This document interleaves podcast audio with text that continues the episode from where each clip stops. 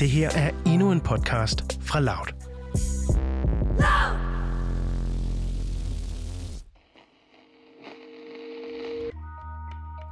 Det første, der rammer dig, er lugten. Det næste er synet af 50 unge mænd, der sidder på et bart cementgulv i en lille bitte celle. For at de alle sammen kan sidde ned, sidder de ryg mod ryg, to og to, og for at få plads til benene er de viklet ind i de andres eller rundt om livet på en af de andre fanger. De er tynde, især dem, der har været der længe. Deres hud er beskidt med pletvise infektioner og udslæt, og der kravler lopper på dem. Du spotter nu den primære kilde til lugten. Midt i cellen er der et hul i jorden.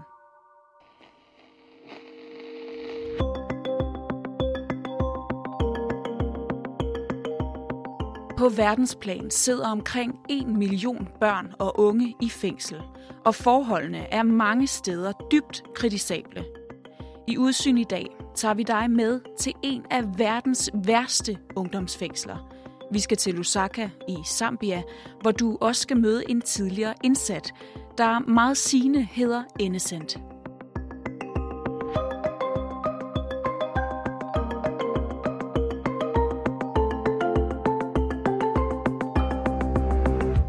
Lytter til Udsyn. Din vært, Christine Randa.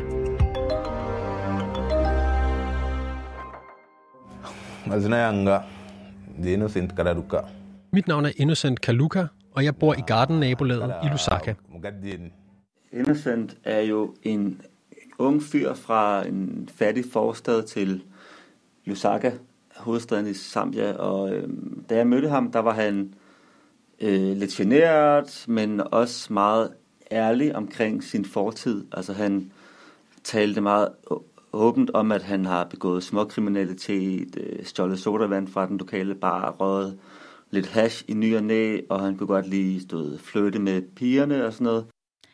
Det her er Simon Johansen. Han er journalist, og han har været en tur i Zambia, som tidligere på året faktisk blev kåret som det fjerde mest fredelige land i Afrika. Her mødte han 20-årige Innocent. For tre år siden, i en alder af bare 17 år, røg Innocent ind i en af Lusakas ungdomsfængsler. Et fængsel, som Simon har besøgt. Det er et øh, stort fængsel, der stammer tilbage fra dengang Storbritannien øh, koloniserede Zambia. Det var britterne, der øh, introducerede fængselssystemet i Zambia, og det er ikke blevet opdateret siden, og det betyder jo, at det er et ældgammelt fængsel, hvor der sidder alt for mange mennesker inde i cellerne. Altså cellerne er på størrelse med et kollegeværelse måske, og der sidder typisk 50 mennesker inde i det fængsel, og som man nok kan forestille sig, så er der ikke så meget plads. Det vil sige, at man ofte sidder op ad hinanden og sover, eksempelvis. Og hvis man kigger op, sådan to meter op på væggen, er der et lille hul, som er det eneste sted, hvor der kommer frisk luft ind i, i cellen. Og så er der det der hul i gulvet, i midten af cellen, og lugten, som jeg nævnte i starten. Ja, det, er svært at, det er svært at forestille sig den der lugt, der er inde i cellerne, fordi øhm, de her 50 mennesker går, går på toilettet inde i cellen, jo, altså inde i sådan en lille hul inde i, inde i cellen. Det er jo forfærdelige forhold.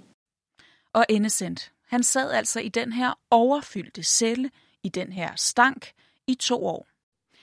Simon, øhm, prøv lige at forklare, hvad er det for en hverdag, hvis man altså overhovedet kan kalde det det, som Innocent han havde, da han sad i det her fængsel? De starter med tidligt på dagen, at de bliver vækket af en fængselsvagt, som øh, gender dem ud på, øh, især i korridoren i fængslet, hvor han så tæller dem. Osachokana vyesiteka eka pochoka mpaka manja kumbuyo Vi blev lukket ud klokken 6 om morgenen. Vagterne talte os en efter en og lukkede os ind igen. Ah, six hours itochoka Og så når han så har talt dem, så bliver de så ført tilbage i, øh, i øh, cellerne, hvor de så sidder. Så typisk så får de lidt at spise. De, de har sådan noget majs, majsgrød, som de får en håndfuld af. Den skal så holde hele dagen, og det er langt fra nok, og det er også en af grundene til, at, at øh, underernæring er et meget stort problem i fængslerne også. Vi er altså ude i nogle seriøst kummerlige forhold, som ud over underernæring også resulterer i generelt dårlig sundhed og deciderede sygdomme. Og så er der det psykiske. Øh, nogle gange bliver de så også lukket ud af cellerne uden sådan en fængselsskov, hvor der heller ikke er så meget at lave. Der er nogle NGO'er, der laver aktiviteter med dem, for eksempel fodboldspil. Nogle gange kan de også få lov til at spille noget musik, men generelt er der ikke særlig meget at lave. Og altså, der, er, der er nogle gange er der et fjernsyn op på væggen, hvor de kan sidde og se på sådan et flimrende tv i timevis. Øh, så kedsomhed er, er et stort problem i, i cellerne også. Og der er altså heller ikke øh, hverken skolegang eller kontakt med omverdenen for den sags skyld. Efter nogle dage begyndte jeg at blive nervøs. Min familie kom ikke, og hverdagen begyndte at blive hård inde i fængslet. Og Innocent har fortalt Simon om nogle ret voldsomme afstraffelsesmetoder. Han fortalte, og det er, jo ikke, det er måske ikke til at vide, om det er rigtigt eller ej, men han fortalte for eksempel om en straf, hvor hvis man ikke opfører sig ordentligt ind i cellen, kommer man hen til sådan et øh, sted, hvor man, du kunne ikke stå, stå oprejst, og du kunne heller ikke sidde ned, fordi øh, der var vand til, til måske øh, sådan hoften, og du kunne ikke stå oprejst, fordi der ikke var højt nok til loftet. Øh, om, om det, altså, det, det kan jeg ikke sige, men der, der gik sådan en øh, historie om de her straffe, som, som man fik, hvis ikke man, man markede ret efter dem, der havde siddet derinde længere end dig selv. Og det er et hårdt miljø inde i de her fængsler, med et udtalt hierarki og en generel kamp for at klare den.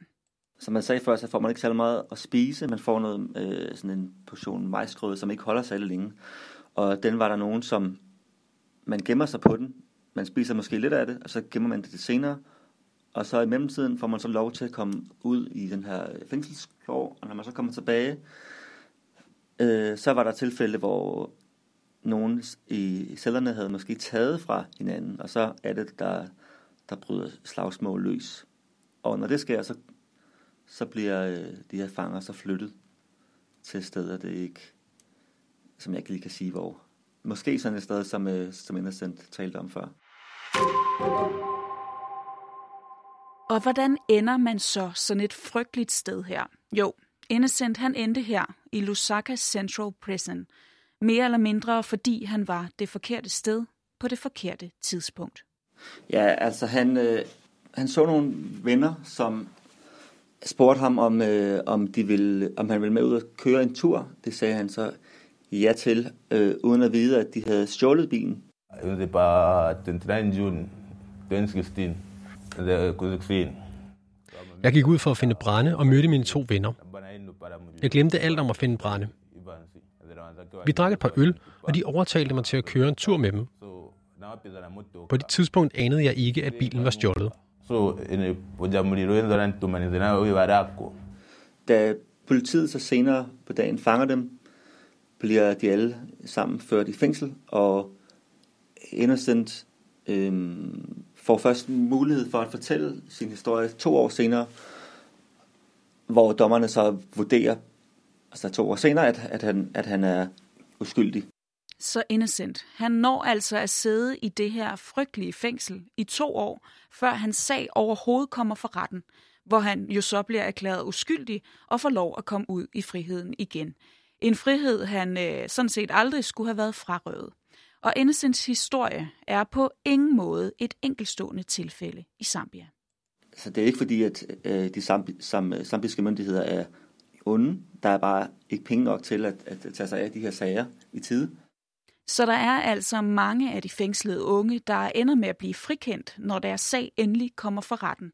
Og så bliver der desuden afsagt mange tilfældige og meget hårde domme, for eksempel for småkriminalitet, som er begået på grund af fattigdom. Der er historier om altså meget, meget små, øh, altså småkriminalitet, som giver meget hårde straffe. For eksempel er der en historie, jeg har hørt nogle gange, om en øh, person, der havde stjålet en øh, kylling, altså, eller grøntsager fra markedet, eller, eller andre bitte små ting, og det så har siddet et år i fængsel for det. Og det er altså ikke kun i Zambia, at man ser det her. på verdensplan sidder omkring 1 million børn og unge bag trammer. Det anslår børneorganisationen UNICEF i hvert fald, men det kan være svært at vide sådan helt præcis, på grund af dårlig kontrol, ringe retssikkerhed og mangel på velfungerende institutioner rigtig mange steder.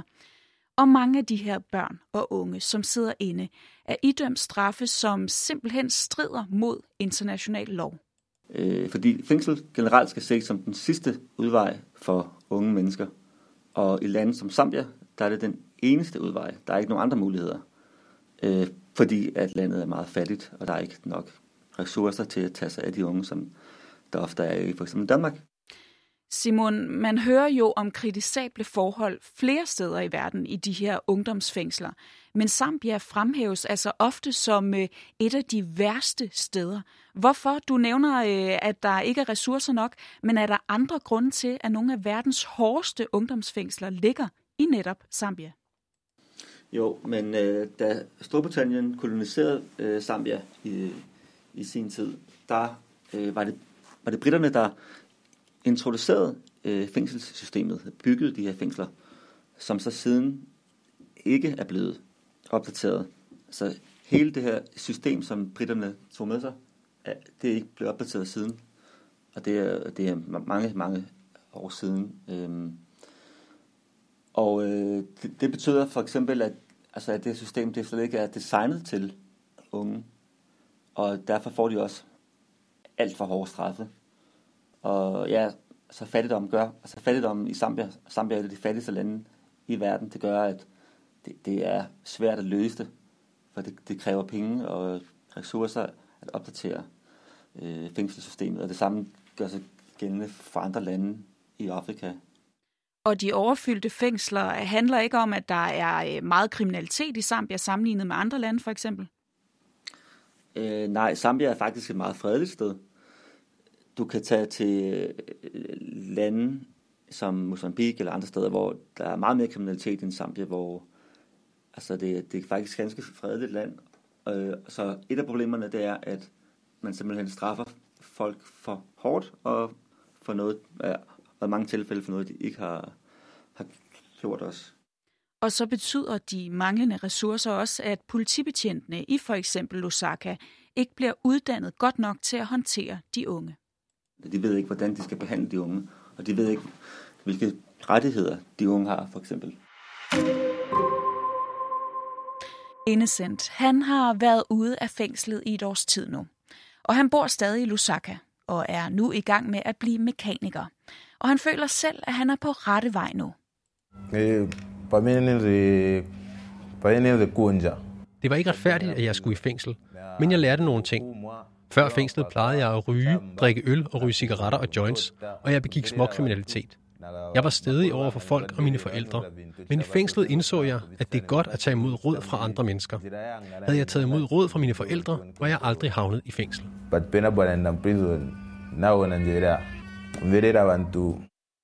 Men det har ikke været nemt efter hans løsladelse. Det er sådan, at når man, der er nogen, der mener, at straffen først begynder, når man kommer ud af fængslet, fordi der er meget diskrimination øh, blandt befolkningen omkring folk, der har siddet i fængsel. Så for eksempel, når, han, når Innocent havde fået et arbejde, så øh, havde han svært ved at beholde det, fordi lige så snart hans arbejdsgiver fik nys om, at han havde siddet i fængsel, så blev han fyret.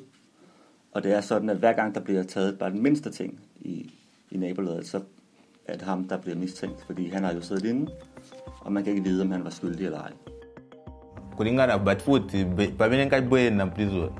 Da jeg kom hjem efter fængslet, pegede folk fingre af mig og talte bag min ryg om, at jeg havde begået en stor forbrydelse. Det betød også, at jeg havde svært ved at finde et arbejde. Jeg prøvede at glemme det, for jeg ved, hvem jeg er. Jeg ved, jeg er uskyldig.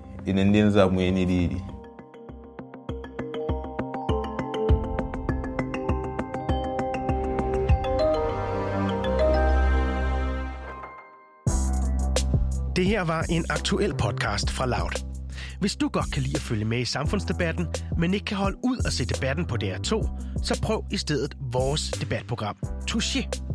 Her tager Cecilie Lange og Kevin Sakir aktuelle emner op på en nysgerrig og undersøgende façon. Søg på Touché, der hvor du finder din podcast.